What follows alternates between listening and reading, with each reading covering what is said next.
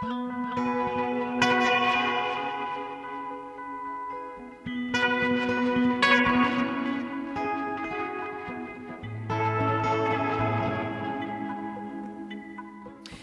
Komið sæl og blessuð við sjá heilsar á getur hlustendur þriðjudaginn 20. og annan desember.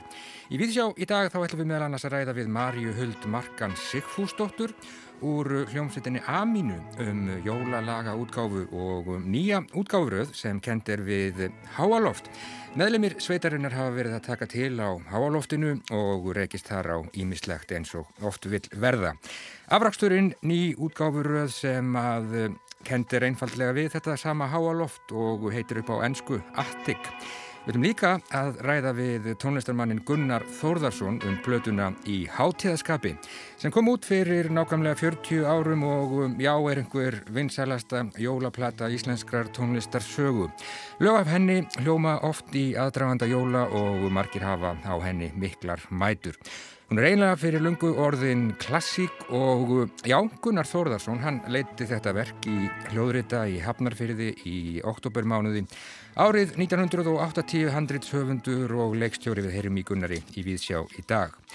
Finnbói Pétursson hefur allatíð verið heitlaður af ljóðrætni Veröld hljóðsins. Hann hefur myndgert hljóð og sett fram í innsetningum sem dansa á mörgum tónlistar, sviðslistar og arkitektúrs, hvort sem það er í formi eðlisfræðilegra tilrauna í síningarsölum með skúltúrum á hálendi Íslands, nú eða með reysastóri orgelpípu í Feneum. Þetta árið slæst Finnbói í hóp þeirra listamanna sem hafa skapað verk til styrtar sumarbúðana í Reykjadal sem styrtarfélag lamaðra og fallaðra á og rekur kærleikskúlan. Þetta árið kallast Þögn og þetta verk kallast á við verkin sem að Finnbói sínir nú um þessar myndir í Neskirkju Eitt nýtt verk og tvö eldri verk. Við ræðum við Finnbóa í Víðsjá í dag og Björn Þór Viljámsson, bókmyndagakarinnandi Víðsjár, hann fjallar í dag um skáldsöguna Götu mæðrana eftir Kristínu Maríu Baldurstóttur. En við byrjum einhvern veginn svona.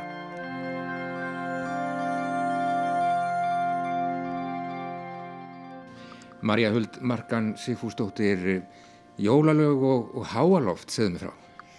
Já, núna í uh, COVID-inu þá hérna, lendi hljómsveitina mína í því eins og margir aðrir að, að öll plönum tónleika og, og fleira fóru á, á ís og um, þar sem einn meðlemur hljómsveitina er, er fastur búsettur í Noregi þá höfum við heldur ekki getað uh, skapa mikið nýtt þannig að við fórum í smá tiltækt. Uh, við erum svo sagt að undirbúa útgáfu á nýja efni sem kemur núna í apríl mm -hmm. Og til að svona aðeins að endurvinna og, og minna á okkur þá, hérna, þá fórum við í gegnum hörðu diskan okkar og allt efnið okkar og þá fundum við alls konar gerðsumar og meðal annars uh, slatt af jólalögum sem að við á sínum tíma gerðum uh, fyrir jóladagatal sem að byrtist alltaf á síðun okkar fyrir svona, já, við ger, vorum mjög duglega að nota heimasvið þegar það var móðins. Og okkur langar til þess að koma þessu efni út á eitthvað svona fallegan hátt, eitthvað svona endurlit og endurvinnsla. Mm -hmm. og e, byrjum á þessum tveimur jólalögum sem er að koma út núna fyrir jólinn, annars vegar þetta hátíð fyrir að höndum einn og hins vegar ábreyða af uh, hinnu ástsala jólalægi, kókjólalæginu sem að um, I'd like to uh, I'd like to teach the, teach world, the world to, to sing sem að var nú upphaflega annar lag með Hillside Singers mm -hmm. en, en við þekkjum uh, Íslandingar vel sem einhvers konar jólaperli sem byrtist eh, eins og forbóði jóluna í sjónvarpinu. Mikið nostálgíða sem að tengist þessu lagi. Gífileg nostálgíða og, og, og skemmtilegt að, svona, að taka það. En, en þessi, þessi tvö jóla verða sérstaklega upp af að serju sem við ætlum að, að, að gefa út smátt og smátt yfir næsta árið uh, sem að kallast Attic Series, Háaloft serjan. Mm -hmm. Því að við komist að því að við lumum á allskynns gersumum sem eru óútgefnar uh, og við ákváðum að, að taka í, í svona enduníun lífta og draga fram af hálöftinu. Já, þannig að þið eruð að gramsa bara í þessum töluðum orðum. Já, við erum að gramsa og, og kannski fara til svona, sum lögin sko eru uh, svo gömul að maður þarf að draga það með tungum upp úr svona misvelförnum hörðum diskum. Já, eitthvað kemur viðsjá nú við sögu í þessu öllu saman. Jú, mikið rétt, því að þetta lag, blessaða kóklægir, við vorum í rauninu beðinum að uh, koma með nýtt jólalag fyrir viðsjá, jólaþátt viðsjár 2013 að með minnir. Og þá sérst skelltu við í þetta lag og það var held ég uh, bara flutt í þetta eina skipti þarna það árið. Mm -hmm. og, og fær núna að fara í, í spilun fyrir alla að hlusta á. Og síðan hittlagi á sér uppruna í að uh, við vorum beðin um 2011 að vera með á uh, stóri hátíð í Barbican Center sem heitir uh, hér Twisted Christmas og þar sem að allskynns listamenn frá, frá heimsins hotnum komu og uh, spiluðu allskynns útgára jólum. Og við fórum þannig tveir meðlumur á Aminu og Kipi Kannus og Paul Leighton og útsettum sérstaklega hátíð fyrir að höndum einn fyrir okkur og hús Kammersveit sem var á staðinum og, um, og þessi útgafa sem sagt inniheldur svona millikabla sem við sömdum og hérna og síðan tókuðu þetta upp uh, þegar við komum heim í okkar eigin uh, hljómsetningu sem sagt. Og þessi útgafa hefur aldrei fengið að heyrast og kemur núna út líka fri jólinn. Ljómandi gott, þið haldið bara áfram að, að taka til og við fáum meira að heyra á, á nýju ári, hefur ekki bara hlusta. Endilega. Takk fyrir Marja Huld Markan, Sigfúrsdóttir og gangi ykkur allt í hægin. Takk fyrir og gleðileg jól.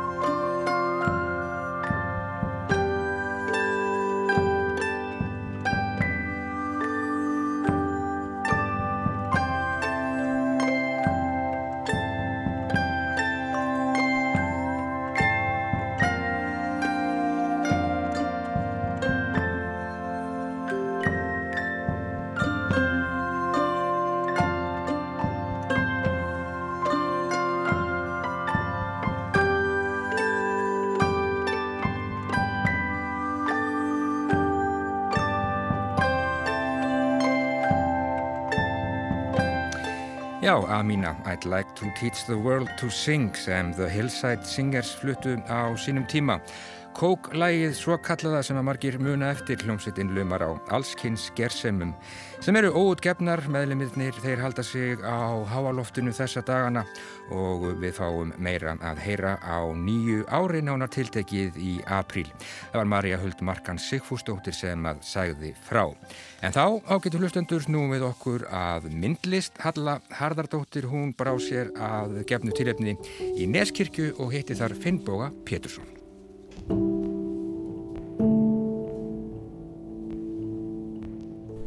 Jæja, Finnbói Pétursson, þá eru við stöðt hérna í Neskirkju, þessu stóra stílhreina rými og það eru hérna þrjú verk eftir þig á veggjónum. Takk fyrir að hitta mig hérna. Bara mín er ánægjan.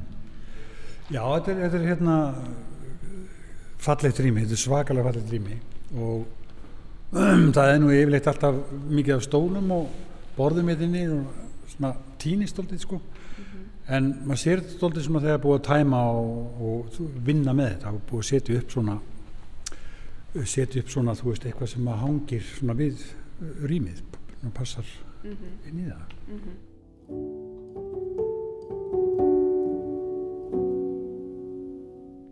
Við stöndum hérna fyrir framann og skulum kannski byrja á því að spjalla þessum hérna og koma aðeins aftar og sjá þetta svona úr smá fjallað fyrst þetta er nú svona eins og þín er von og vísa, þetta er formfagurt á að líta, stílhreint. Já, ég þakkaði fyrir það, ég líti á þetta sem kompliment. En jú, það, það er það náttúrulega, því þetta er náttúrulega, þetta er náttúrulega bara það raunverulega sem það er og svona kemur þetta og svona var þetta til þetta verk uh, eiginlega doldið svona óvart af því að ég var að vinna að undirbúningi fyrir kærleikskóluna sem að ég er listamæður 2020 að núna og þar nota ég svona hljóðbönd eða hljóðband, einn meter af svona bandi nákvæmlega og sérstætt var eiginlega að, að reyna að, að hérna ég var að gramsa bara í gömlum teipum sem að mér áskotnaðist af, frá út á stöð sem eru gömul uh, svona svo gótu logg uh, loggteip eða þetta er svona varðveistlu uh, teip og það sem að gerist sko, og þetta endaði að ég gæti ekkert nota þessi teipa því það sem að gerist sko með svona teip þegar þú geymir því mörg mörg, mörg, mörg ár er, er að sko til dæmis er elsta teipi hérna frá 1986 mm -hmm.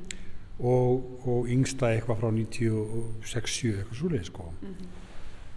Þannig að hérna það sem að gerist með, með tímanum er að, að sko sagt, uh, að það verða efnakörf í í þessum teipum og, og, og sko, þegar ég tala um teip þá er þetta segulbönd mm -hmm. og, og það sem gerist er að þessi, þessi efnakvörfa það að losna bara á læðingi þú veist uh, uh, það sem að bindur segulagninnar þetta dót við plastefni sem er í, í þessum spólum og límir þetta raunverulega saman mm -hmm. þannig að þetta er svona kannski þú veist segulmagna er svona nútíma stengirfingar mm -hmm. þú veist af því að um, sem myndi kannski segja að þetta væri svona antik elektrónik þú veist sem slíkt sko ef maður verður út í þetta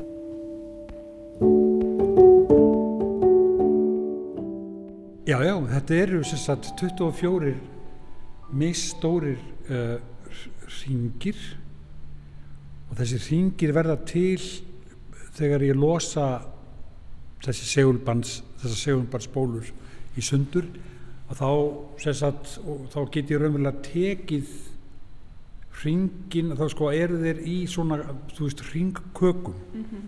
og ég get losað það mjög auðveldlega í sundur uh, á ákveðnum stöðum en sem slíkir, svona einstaklingar eins og þeir eru þarna að þá er mjög erfitt sko, eða þú veist, þá þarf það að brjóta það í sundur raunverulega sko mm -hmm. en þeir eru samt sem aðeins mjög viðkvæmir Þessir einstaklingar. Þessir einstaklingar, já. já. Mm -hmm. Og hver og einn ringur er, er sko misbreiður eða misstór og þar leðandi er mismikill tími inn á hverjum ring fyrir sig. Síðan tek ég sérstaklega upphafið af þess, þessu, þessum segurbands upptökum og endurinn á þeim og ég límis, límið á saman. Þannig að upphafið gengur inn í endan en það myndar svo kallar lúpur þú veist mm -hmm. sumir eru kannski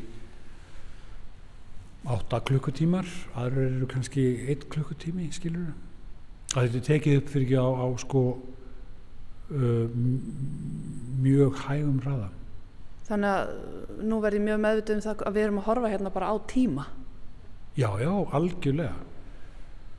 Sko við erum að horfa á tíma við erum líka að horfa á eins og þessi verk sem eru hérna á þessari síningu þetta er mm.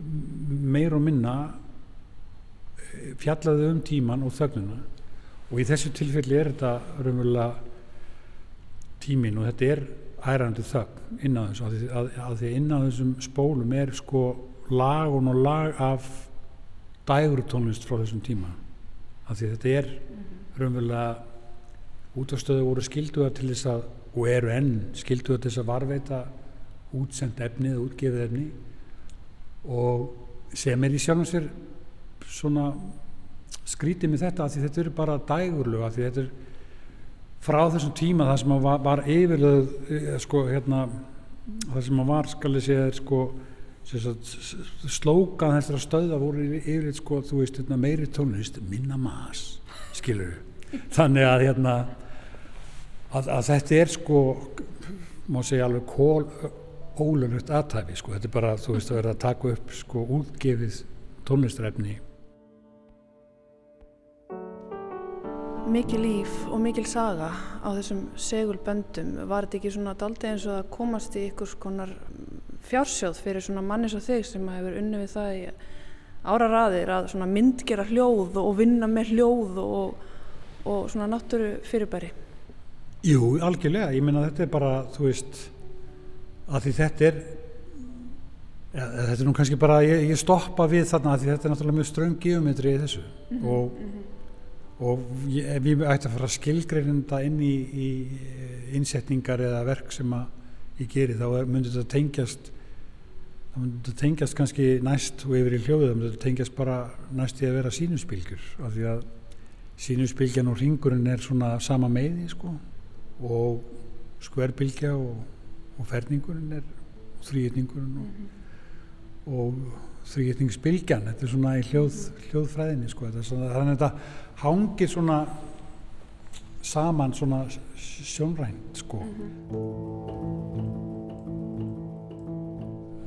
þessi verk sem að hinn tvö verk sem eru hérna þau eru þetta eru eldri verk sem að ég ákvaða að setja hérna inn á þessa síningu þegar að, að, að þessi kærlíkskúla kom upp að taka paradóltið í þú veist þessi eldri verk mín og, og sína hérna verk sem myndi tengjast konseptin í kúlinni sem er þögnin. Þannig að þetta hérna verk sem við erum að horfa hér sem er svartur MDF uh, kassi sem er með sagt, uh, það er kapall sem kemur neðan núna og tengis og gengur upp með hann og gengur inn í uh, stein sem er sjáar sorfin stein sem er úr eldstöðinni Snæfellsjökull. Hugmyndin er, er hérna uh, Journey to the Center of Earth hérna Sjúls Venn mm -hmm. sagan þar sem hann fer niður um, um Snæfisjökul og kemur sérsagt upp í, á Ítalíu Strombóli og það, það er raunverulega þessi ferð og það, það er það sem að raunverulega kveikir kveikti á, á þessu og þetta verk var til svona upp úr þeim svona hugleggingum sko. Mm -hmm. en svo er náttúrulega vikar þetta allt út þegar að hérna þegar maður fer svona eiga við þetta allt og, og þetta er þetta er svona kannski maður getur líka bara að horta á þetta sem sem, sem bara sem sagt, að að þetta efni steinin sjálfur sko að hann er búin til úr, úr náttúrulega bara úr kvíku jarðarinnar, miðjarðarinnar og, og lendur í því raunverulega að koma upp um, upp um um, um hérna þessa eldstuð á, á Snæfellsnesi og lenda þar út í, út í hérna fjöru og út í sjó og velkist um í sjónum og, og svo að ég raunverulega bara næja hann það hefði bara enda sem sko rygg en, en sem sagt þegar ég tek hann þá bóra ég inn í hann í miðin á hann og, og inn í miðin á steininum er mikrafón og snúran er, sagt, er tengt síðan í sendi sem er inn í kassanum. Og kassin er að senda út þögnun innan úr, innan úr miður steinsins. Og er alveg að senda senda raunverulega úr bara þessar þessa, þessa hérna aldagömmlu þögn innan úr miður jörðarinnar sem að sko raunverulega get ég gengið af steinum raunverulega hvar sem er sem eru og, og þeir eru allir úr sama kjarnan raunverulega á einn eða annan, annan hátt. Og tala til þín þó þessi þögn já, já, algjörlega, algjörlega. Veist, þetta er náttúrulega og þannig er náttúrulega tíma elementið í grjótinu mjög stert sko að því að, að, að því að maður tala stundum um hraunni sem svona blóði jarðarinnar. Mm -hmm. og ef ég hefði látið hennar stein vera afskipt á lausan í fjörunni og þá hefðan eins og ég sagði endað sem rigg sem kannski og hugsanlega hafi hefði endað sem rekord sko onni okkur og gengið gengið í, í sagt, samlagast blóðrásin okkar. Og, og hérna og enda svo jörðin eftir þaðan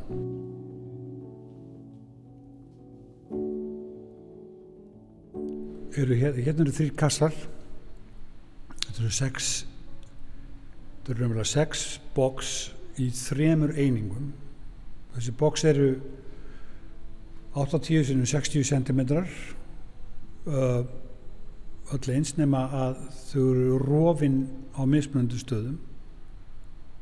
Þar lendir hver eining misstór og það sem ég geri í þessu verki er að ég tíðnimæli bóksinn sem á holrýmiðin í bóksunum og hvert bóks uh, svarar ákveðinni tíðni.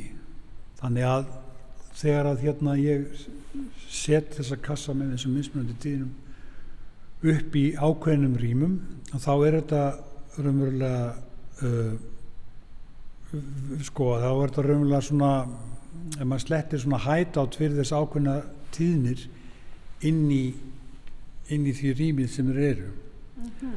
þetta er byggt raunverulega á svona þú veist fyrirbæri sem eru sko hljóðgildur sem eru oft settar upp í, í svona erfiðum húsnæðum og, og oftast í hljóðverum það sem eru svona óæskilegar óæskilegar sko tíðnir sem að sapnast fyrir í hodnum eða, eða undir, undir borðum eða eitthvað slíkt og þá er komið fyrir þá er þess að tíðnir mældar eins og ég gerir með þessa kassa. Og síðan eru, er eru smíðu bara svona boks eða svona rými með litlum götum í sem er komið fyrir. Þannig að þessar óæskilegu tíðnir hafa þá ífurustad til að dvelja í og deyja þar skilur mm -hmm. þannig að þá fara þeir inn í bóksinn og það er umverulega nullast út og verða engu og jafnast út og allt verður bara mm -hmm. mjög normalt þannig að þetta er svona kannski já þetta eru tóltið svona dauða bóks fyrir þessar auðmingaspilgjur og líka er þetta, þetta er ekki beinleginnst dauða bóks fyrir þær heldur er ég svona þetta er, svona, þetta er kannski doldið, fyrir mér er þetta kannski doldið svona minnisvarði um þessar mm -hmm. ákveðnum tíðnir Já og kannski þurfa það ekki endilega að vera óæskilegar fer það ekki bara eftir nei, hvaða rýmið þú ert í eða? Já, nei, þar, þar eru Já. þar þurfa ekki endilega að vera óæskilegar enda líka bara sko vitum við meðan með, með við erum að tala þetta saman og, veist, og, og og hérna hljóðið í, í sko loftræstiskerfinu hérna og umferðin úti að, að þessar bylgjur sko myndast uh, á þess að við verðum okkur tíma mhm. Vör við þar sko en, en, en, en sko en þetta hefur kannski ekkit endilega þú veist, þú setur ekkit eirað upp að þessu og heyrir ekkit í þessu, þetta er bara hugmyndunum að þetta sé mhm. greiðastaðu fyrir óaskilaða tíðnir mm -hmm. Hér eru þessi bóks búin að grýpa eitthvað um hverjum allavega sem við erum í núna. Það eru eh, sífælt, Já. sífælt að grýpa eitthvað. Mm -hmm. En svo er þetta náttúrulega spurningi líka hvað gerist á milli bóksana þegar, þú, þegar þessar ákveðinu tínir blandast saman úr þessum tveimur bóksum, hvað verður til mm -hmm. þar á milli sko, býða til nýtt nýja tíðni sem er kannski óæskileg. Það er aldrei átt að vita. Ég ekki veit ég að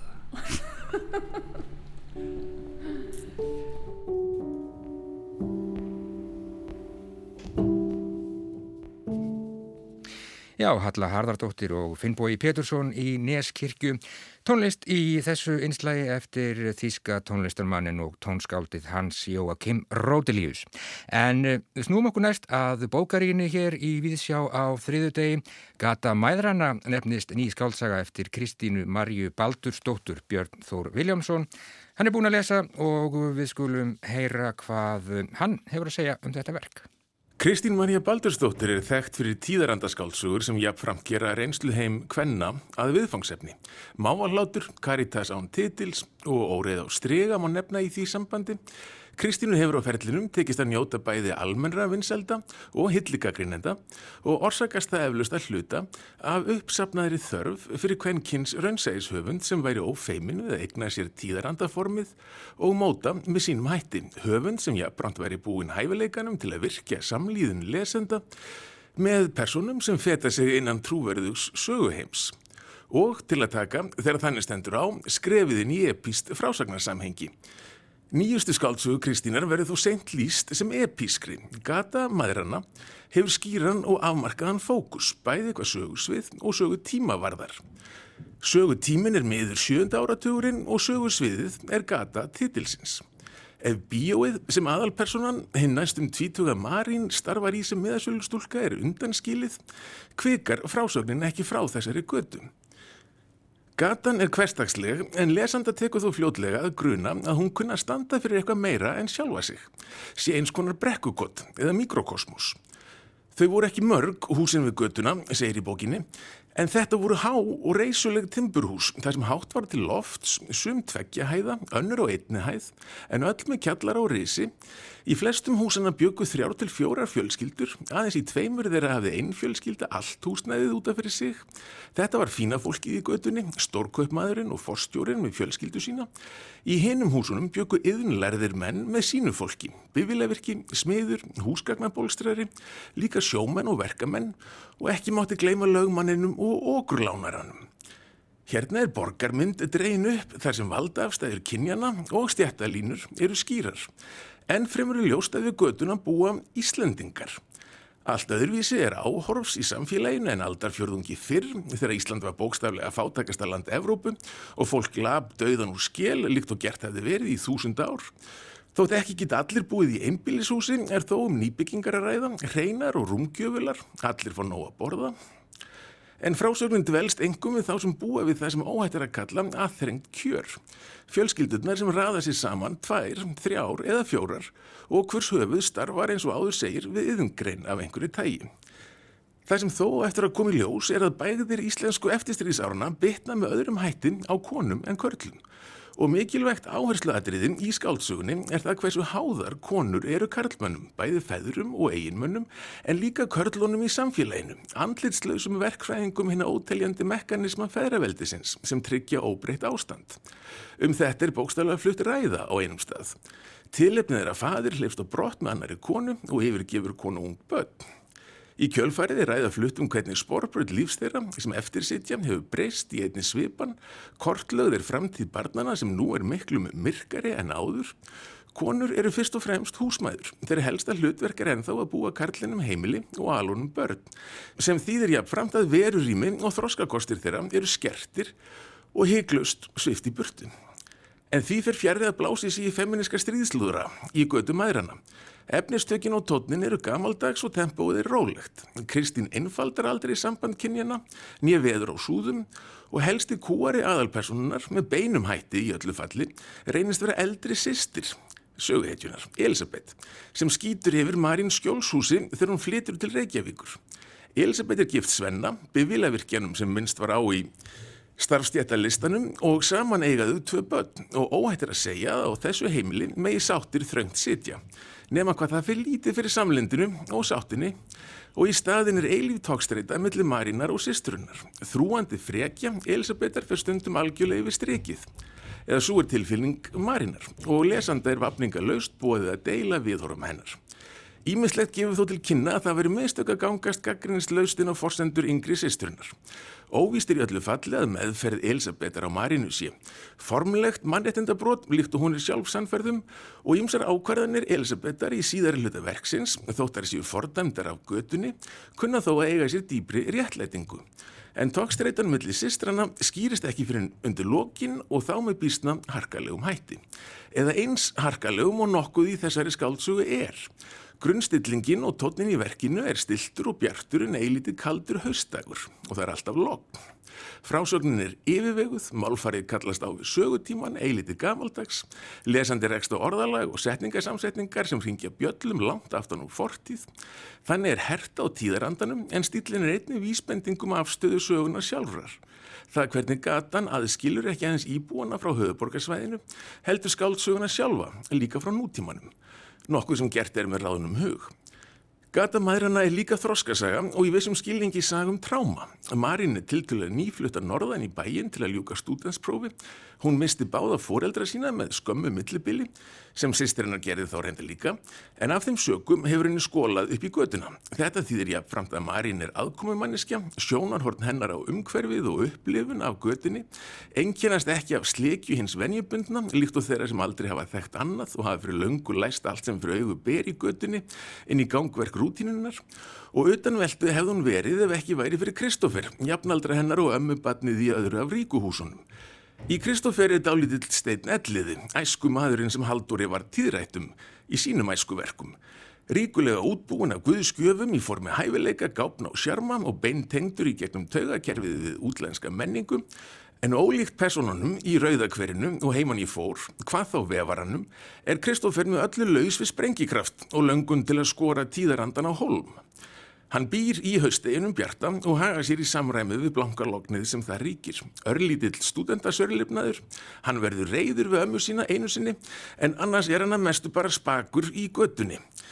Kristófur verður með öðrum orðum aldrei það eldmóðs hlaðana sjarma tröll í huga lesenda sem Marín sér en saman náðu þau fljótlega eftir komu Marínar til höfustæðarins og vissu strax að þau væru sálufélagar. Kvöldum ver Marín heima hjá Kristófer í karaktervinnunni en svo nefnir hún leikin sem þau hafa fundið upp og tilenga sér en hann fælst í því að taka saman prófíla um samnefnendur þeirra.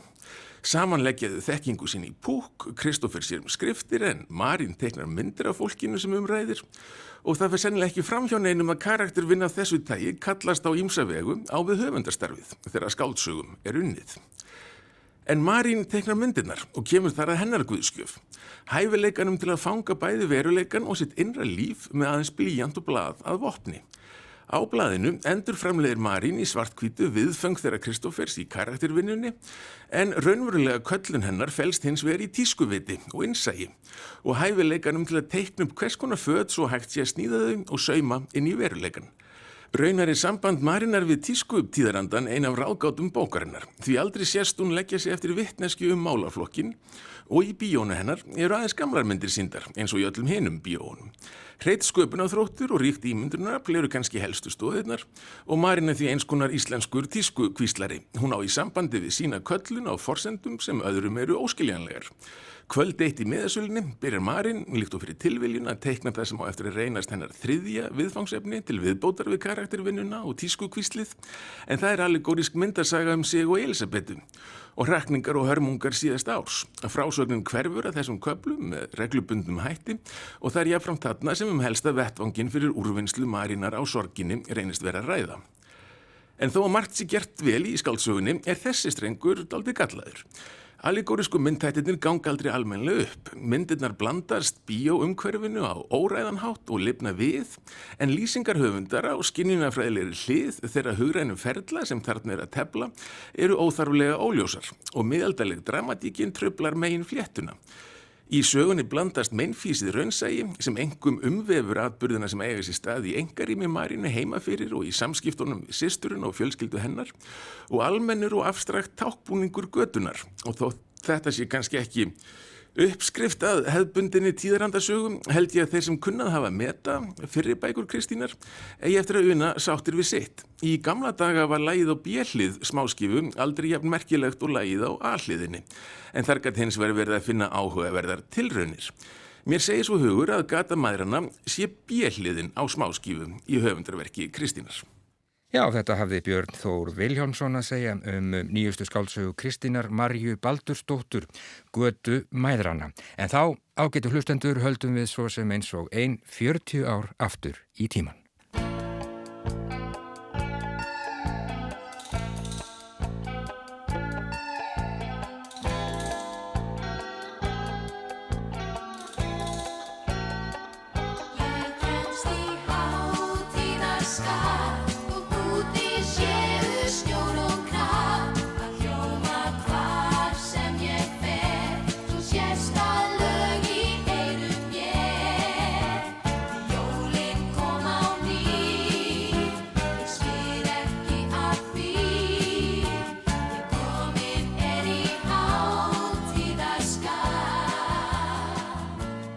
Hljónplatan í hátíðarskapi er sennilega einhver al vinsælæsta jólaplata íslenskrar tónlistarsög. Hún kom út árið 1980 og endan dag í dag þá má heyra lög af henni spiluð í útvarpið og það oft. Platan inniheldur bæði erlend og innlend lög meðal annars eftir Gunnar Þórðarsson en flytjandur á plötinu eru þau Jóhann Helgarsson Helga Möller sem samanskipuðu dúttinn Þú og ég, Ellen Kristjánsdóttir, Ragnar Bjarnarsson og Ómar Ragnarsson. En í aðalhuturki á plötunni, handrýtshöfundur og leikstjóri var Gunnar Þórðarsson sem útsetti öll laugin. Gunnar verður velkomin í háttíðarskapi. Þetta er plata sem ég held að sé þjóðinni nokkuð kær, tekin upp í hljóðrita í oktober árið 1980 Hvernig líst þér á hana 37 árum eftir útkomuna? Ég, ég heyri þessu lög nú sko á og til í gegnum eh, já, all þessi ár. Hún hefur einhvern veginn, það er svo skrítið, maður veit aldrei hvað lifir og hvað lifir ekki. En þessi hefur, jú, jú, hafa nú bara góða minningar um þessa blötu. Já, já. Þú ert með gott fólk uh, þarna með þér og, og hvernig svona, svona tilur þessara plötu? Var hún til bara fyrir tilviljun eða hvernig, hvernig var hún til? Já, það var bara að koma jól. það var bara svo leiðis. Já. Já, hver gefur þetta út? Steinar. Steinar gefur þetta út, já. já. Og þú hefði gert jólaplötu þarna nokkrum árum fyrir, er það ekki? Jú, ég gerði það. Já, já, já. já.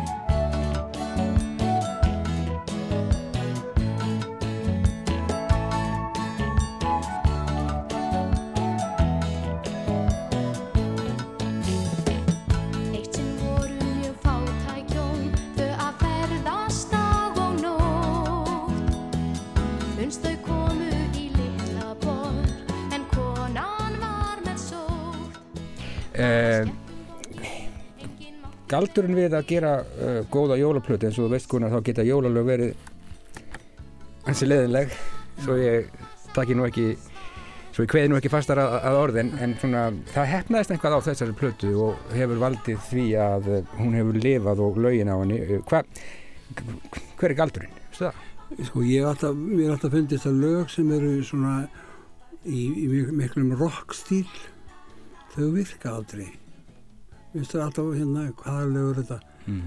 jólahjól og mm. hérna eh, ég man ekki nefni á það sko, jólaladaga og eitthvað svona mm. það, það er engin, jólastemming hérna, viðst mér sko. þó að textin sé að skapla jólalögur það var bara einhvern veginn stemmingin ekki, ekki eh, svo rétta að, að mínum að því Nei Mörstu eftir einhverjum, náttúrulega hvað varst að hlusta á þessum tíma, var einhverjir sérstaklega áhrifavaldar á þig þegar þú varst að gera þessa plötu? Nei, nei ég, Nei, nei það er bara hvað, þú fara eitthvað lag sem það þarf að taka upp og, og þá fyrir bara í vinnuna. Já, já.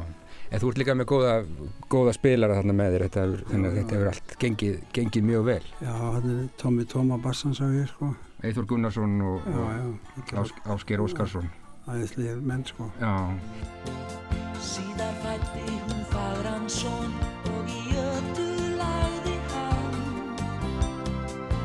Allt var vundalegt kringum þau. Ný stjarn á hinnum brann. Og smám saman myrkrið fór En þá byrtist engla kór Sem negrauð barnin ungur Og allstaðar Svo heiðbjart var Englarnir sungur Hún gerði aldrei fljótt þessi plata. Já. Það var ekkert verið að Hún er bara tekin upp í oktober og komin út bara nokkurnu dögum síðar. Já, já en... Á þessum tíma, já það er svipað eins og í dag Þú voru að það eru svona sex vikur sko, þegar þú er búin að klára blötuna þá getur hún að koma til landsins. Já. Já, þetta, já, hún náði jólaflóðið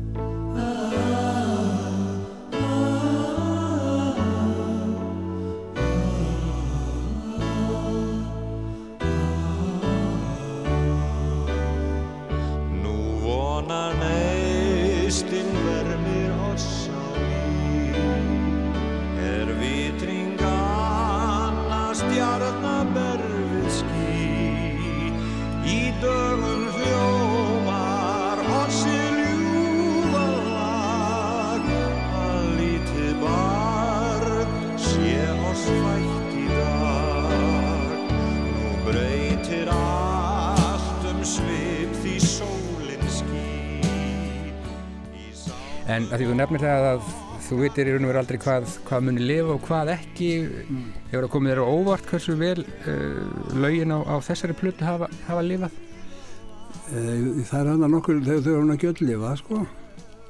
Það er hann að hvað, fjögur, Fjögur fjögur, fjögur, fimm lög. Já, Já, já, veist, maður veit aldrei, sko. nei. Nei, en það var svona, þetta er svona, eh, hvað segir maður, singalong, það, það er, virkar oft. Tekstarnir á þessari plötu, þeir eru, menn, menn þekkja, þekkja þá mjög vel Völu og Sofíu og það allt. Já, það eru dætur Þorsteins, ekki svona. Já, hann er bleið það. Já. Já, Og uh, Stein er í, í góðu, eh, gott, hann er í miklu stöðu þarna á þessum árum. Já, og svo, svo er sungið enn barnaháttíðin mest sem maður held að væri eldvarnaháttíðin mest. Já, jú, jú. Það er mjög skemmtilegt. En áttu góður minningar frá, frá upptökunu eða gerð, frá gerð þessara plötu? Ég, ég man það nú ekkert mikið, sko. Það, þetta, þetta, hvað árið þetta segir? 80? Já, sko. Þannig er ég að gera, sko, himinn og jörð. Þannig er ég að gera eh, rétt strax á eftir fyrstu þú og ég blöðuna. Já, Þannig að það var svona mikið að gera. já, Þannig að ég man nú ekkert sérstaklega. Ég man aðalega, sko, að hvernig við völdum þessi lög. Það var, sko, að Þorgir Ásthaldsson var aldrei með mér í því. mm Hann, hann svona skautað mér lögum, já, til dæmis í hátíðaskapi. Þorgir, hann, það er eiginlega honum að kenna, sko, að þetta lag er þarna. já, það er Osmond-lag. Já. Já. Og uh, lagið sem hún Ellen syngur. Ég fór, sko, á, á hérna tónlistarháttið í Pólandi þetta ár, eitthvað um sömarið í, í Sópot hérna. Rétt á Gdansk Já,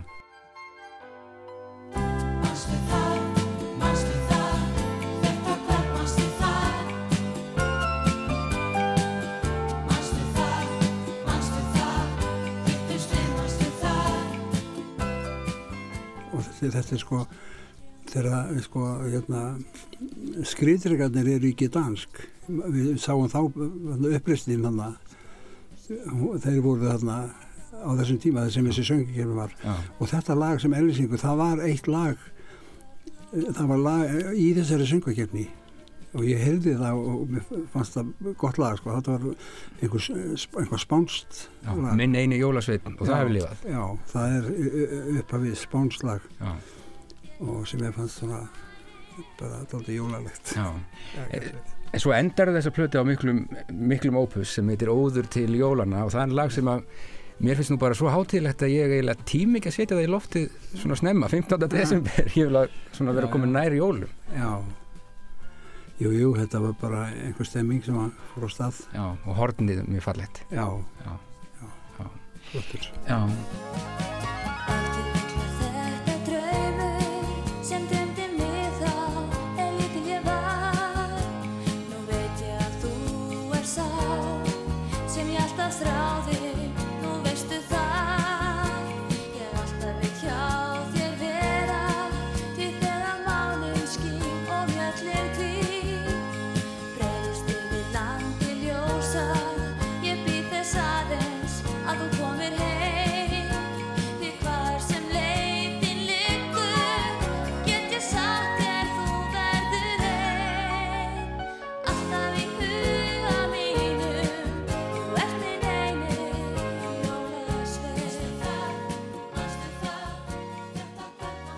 Eh, þessi plata hún seldist þokkalega, er það ekki? Mjög vel, já, já og líka árið eftir Já. og líka árið eftir.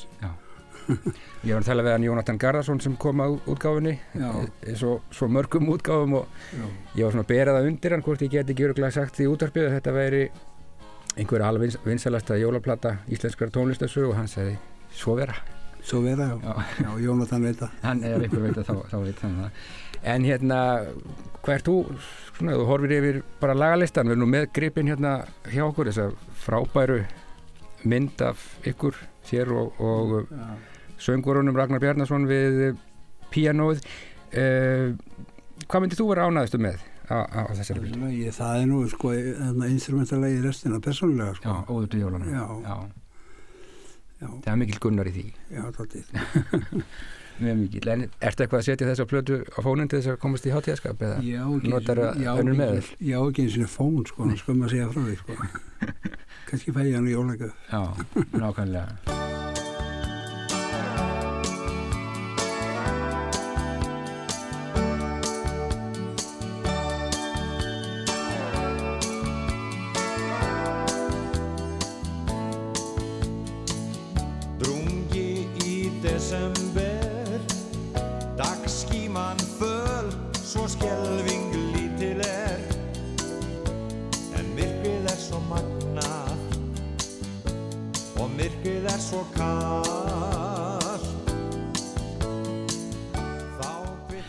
Varst að gefa út nýja plötu og bara komst hérna færandi hendi 16.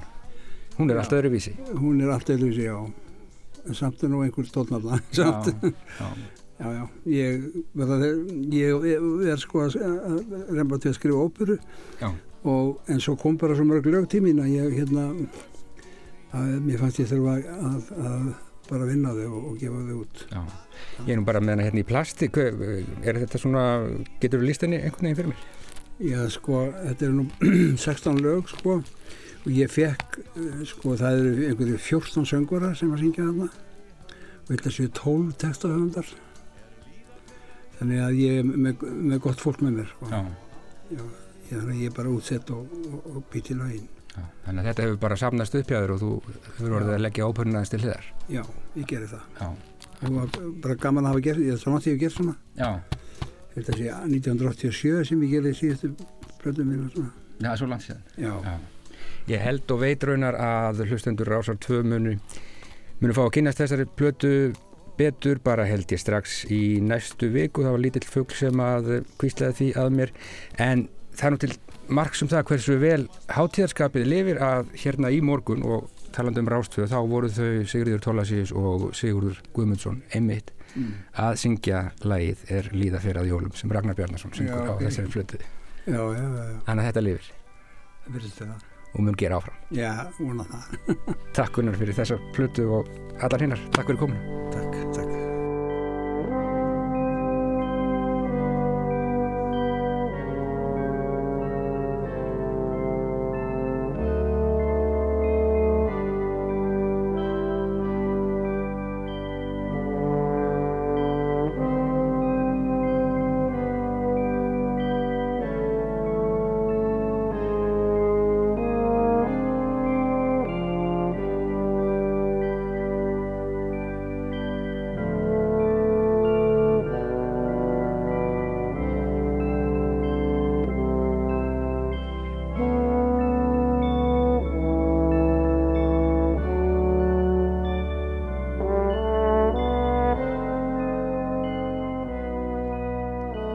Já, óður til jólana mjög hátíðlegt lag Gunnars Þórðarssonar. Lokalag hljómplutunar í hátíðaskapi sem kom út fyrir sléttum 40 árum og er einhver alvinsalasta jólaplata íslenskrar tónlistarsögu tekin upp í hljóðrita í Hafnarfyrði í oktober árið 1980. Þetta viðtal hljómaði áður hér á Rás 1 þann 15. desember árið 2017 en þetta var auðvitað reyfjað upp hér og nú í tilefni jóla. Og svona líkur viðsjá í dag þetta eh, var síðasti viðsjárþátturinn fyrir jól viðsjá hér aftur á dagskrá Milli jóla og nýjárs mánudaginn 20. og 8. desember teknimaður í þessari útsendingu var Gísli Kjaran Kristjánsson. Ég segi bara hafið það sem allra best yfir hátíðarnar og fyrir alla muni munið til hvers þið eruð. Takk fyrir samfélgina í dag. Verðið sæl.